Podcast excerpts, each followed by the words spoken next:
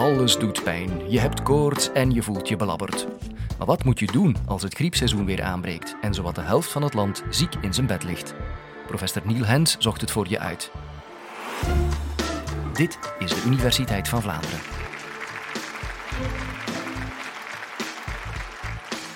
Ik heb uh, drie schatten van kinderen, drie dochters, die gaan allemaal naar school. En elk jaar opnieuw is het zover. In de derde, vierde week van september komen ze naar huis en hebben ze een verkoudheid bij. En je kan er eigenlijk je klok op gelijk stellen, de derde, vierde week. En dan gaan ze die verkoudheid ook nog eens aan elkaar doorgeven. En natuurlijk vergeten ze mij en mijn vrouw niet. Ja, dat is elke keer opnieuw. En dat is ook zo in januari, februari, typisch zo, wanneer dat de griep de ronde doet. Opnieuw na die vakantieperiode, heel eventjes wachten en daar hebben we het weer. Die griep in huis en die griep wordt dan heel snel doorgegeven. Nu, vandaag wil ik het niet hebben met jullie over immuniteit of dergelijke. Maar ik wil het wel met jullie vandaag hebben over contactgedrag. En contactgedrag, ja, daar moeten we eigenlijk een begrip voor uitleggen. En dat noem ik een effectief contact. Nu, een effectief contact is een contact als dat gemaakt wordt tussen een besmet, besmettelijk persoon en een vatbaar persoon dat infectieoverdracht mogelijk maakt.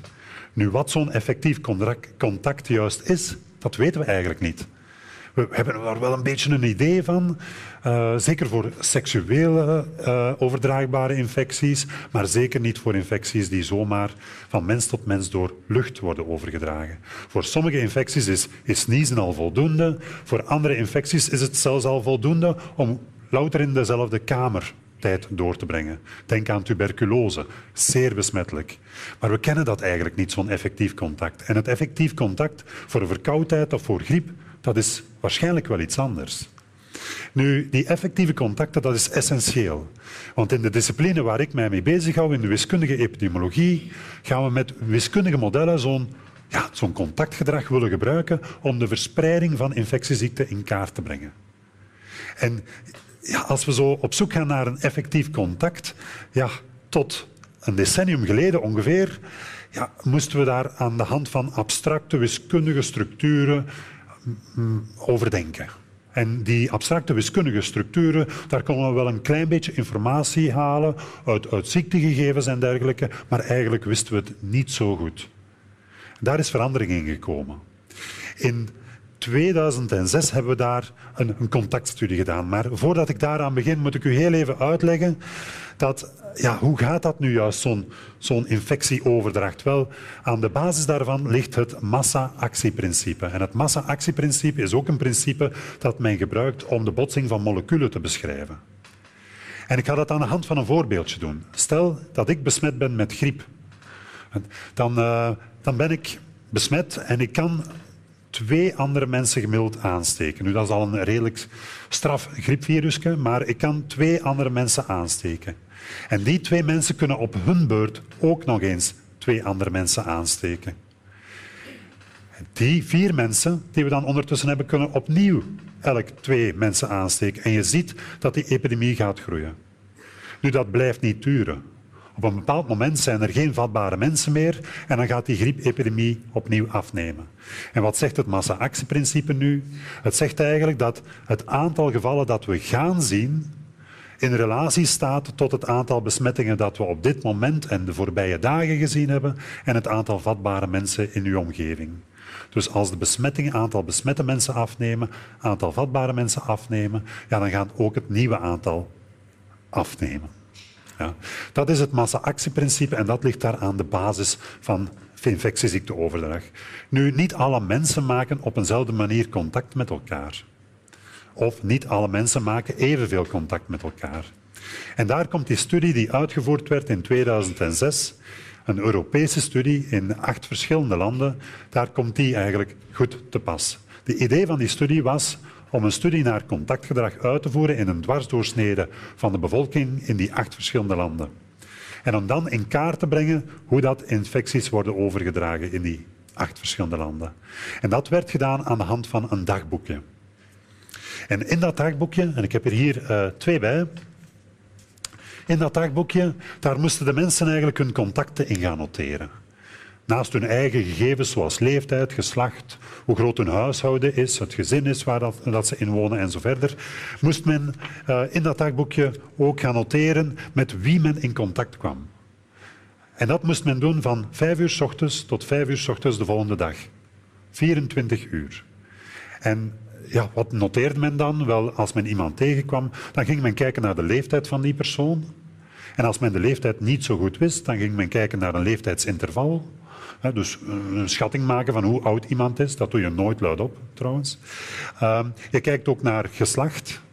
Wat het geslacht is van die persoon, of je die persoon vaak tegenkomt of niet. Maar ook of je die persoon een hand gegeven hebt of niet. Want soms is het zelfs zo dat uh, een fysiek contact, zoals een hand geven, ja, heel besmettelijk is. En kijk maar eens heel even rond of naast u. Sommige mensen zitten nu met hun hand aan hun mond.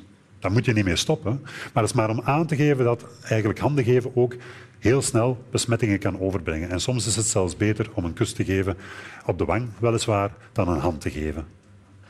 Nu, die, uh, die contactstudie die werd uitgevoerd in acht verschillende landen.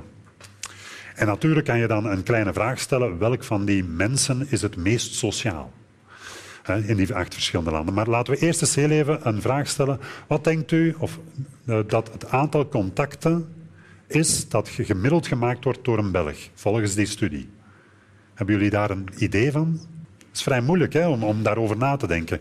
Maar ik zal u zeggen dat dat 16 contacten gemiddeld per dag zijn. Nu, sommigen denken, ja, maar ik maak toch veel meer contacten dan, dan 16 contacten per dag. Wel, dat kan kloppen. Maar het is natuurlijk een globaal gemiddelde, over alle leeftijden heen, over man en vrouwen heen en zo meer. En verder kunnen we ook gaan kijken naar die verschillende landen. En ik ga ze heel even opnoemen en dan ga ik u de vraag stellen wie van die mensen in die verschillende landen, welke nationaliteit, is het meest sociaal en het minst sociaal volgens die studie. België, wij hebben meegedaan aan die studie. Nederland, Luxemburg, het Verenigd Koninkrijk, Duitsland, Polen, Finland en Italië. Welke van die landen maakten het meest aantal contacten? Of mensen in welk, welk van die acht landen? Kijk, dat, dat heeft typisch iedereen juist. Hè. Dat, inderdaad, Italianen maken volgens deze studie gemiddeld 22 contacten per dag. Wie zit er aan het andere uiteinde?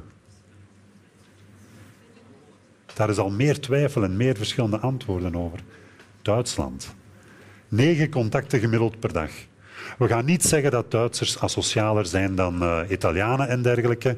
Dat kan, kunnen we niet concluderen uit deze studie, maar althans een kleine anekdote om mee te geven. Nu, die contactstudies die we uitgevoerd hebben, ja, die hebben we eigenlijk, uh, die gegevens die hebben we verzameld en daar hebben we gebruik van gemaakt. En dat hebben we ook gebruikt tijdens de 2009 grieppandemie om te, uh, te voorspellen bijna hoe dat die griep zou verspreiden. En wat bleek nu? Wel, die informatie die we uit die contactstudies hebben gehaald, die leek zeer relevant te zijn en heel goed te beschrijven hoe ziektes overgedragen worden. En daar gaan we nu heel even dichter naar kijken. Die um, pandemische griep in, in, 2009, ook wel de Mexicaanse griep genoemd, uh, dat was een heel mooi voorbeeld hoe het werkte. Maar we kunnen ook gaan kijken naar wat we uit zo'n contactstudie zelf gaan leren. En daar kunnen we inzichten uit krijgen. En hier ziet u een beeld van een contactstudie en van de resultaten van zo'n contactstudie. En dit is eigenlijk een, een wat men noemt een intensiteitsgrafiek.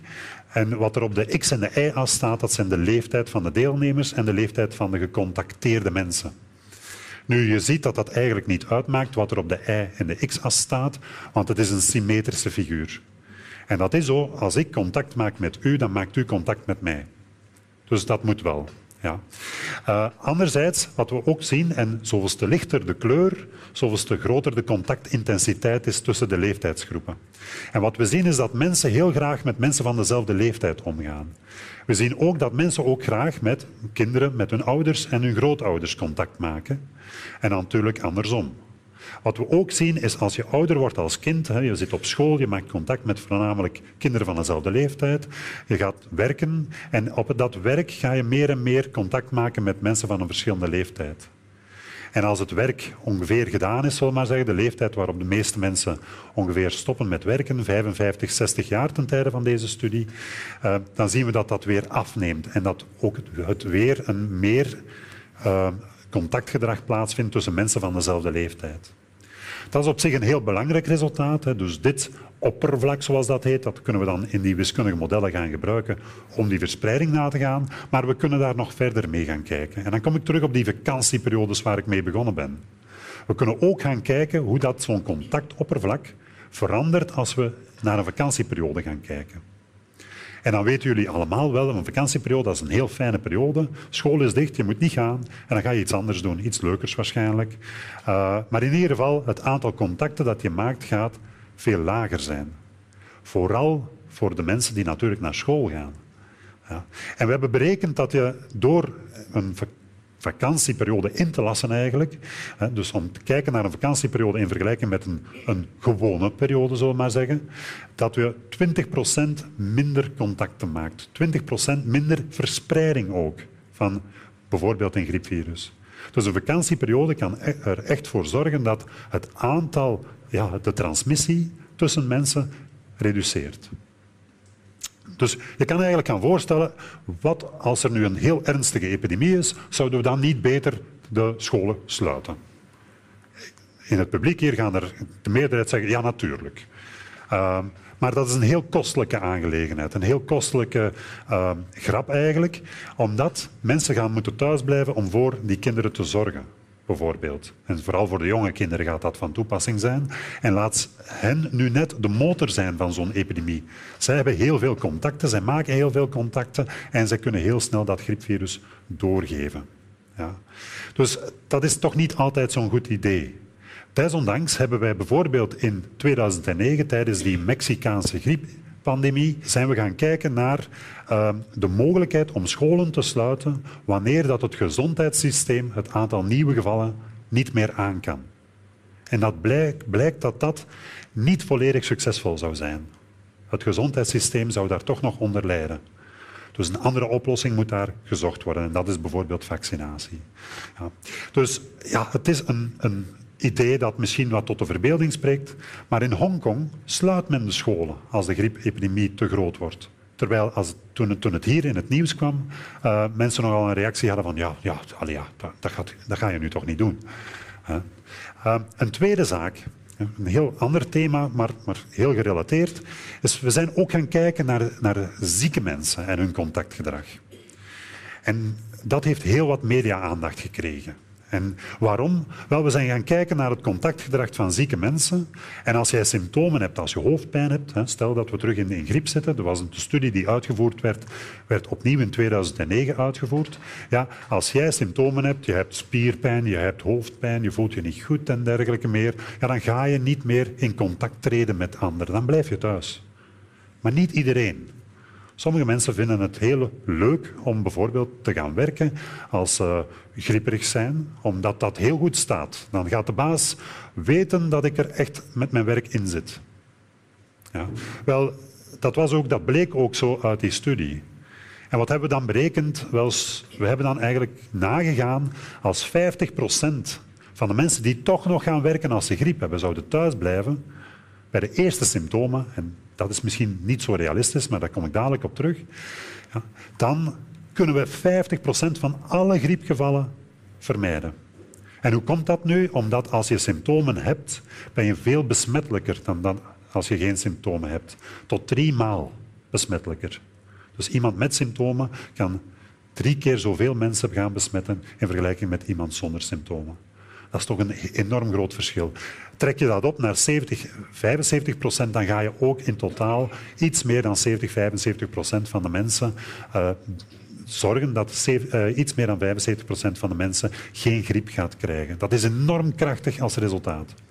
Ik heb daar juist eigenlijk al aangehaald dat het misschien niet zo realistisch is om bij de eerste symptomen thuis te blijven. Dat klopt. Dus je, natuurlijk, als je de eerste symptomen hebt, dan kan het zijn dat je net op het werk bent en je je niet goed voelt. En dat je dan toch nog enkele mensen gaat aansteken. Dus we hebben dan ook een, een tijdsperiode ingelast totdat de mensen zouden thuisblijven. En het blijft nog altijd een heel goed idee om thuis te blijven zo snel mogelijk als je griepsymptomen hebt. Ook al is het niet altijd realistisch en kan je niet altijd vakantie of ziekteverlof nemen of dergelijke als je griep hebt, is het is toch een, vorm van persoonlijke hygiëne, niet alleen voor jezelf, maar vooral voor je medemens, om, uh, om juist thuis te blijven als je griep bent. Uh, we hebben nog andere studies uitgevoerd. Een, een studie in een klassiek gezin uh, gaat de vader de dans soms ontsnappen om geïnfecteerd te worden, omdat hij minder contact heeft met de kinderen dan de moeder en dan de kinderen onderling. En we hebben nog andere studies uitgevoerd die, die ook heel wat inzichten bieden. Maar ik denk dat ik het hierbij wil, uh, wil houden. En ik vooral dat sociaal contactgedrag in relatie staat tot het verspreiden van infectieziekten en dat we daar dus ook in plaats van vaccinatie ook kunnen gaan kijken naar zo'n sociaal contactgedrag en hoe we dat kunnen aanpassen. En daarom heb ik een, uh, een kleine slagzin die je kan meenemen naar huis en een klein beetje een doordenkertje. Het is, soms is het zeer sociaal om niet sociaal te zijn. Dank u wel. Zin gekregen om nog meer ziektes uit te roeien? Professor Hens vertelt je in een ander college hoe je dat doet met wiskunde.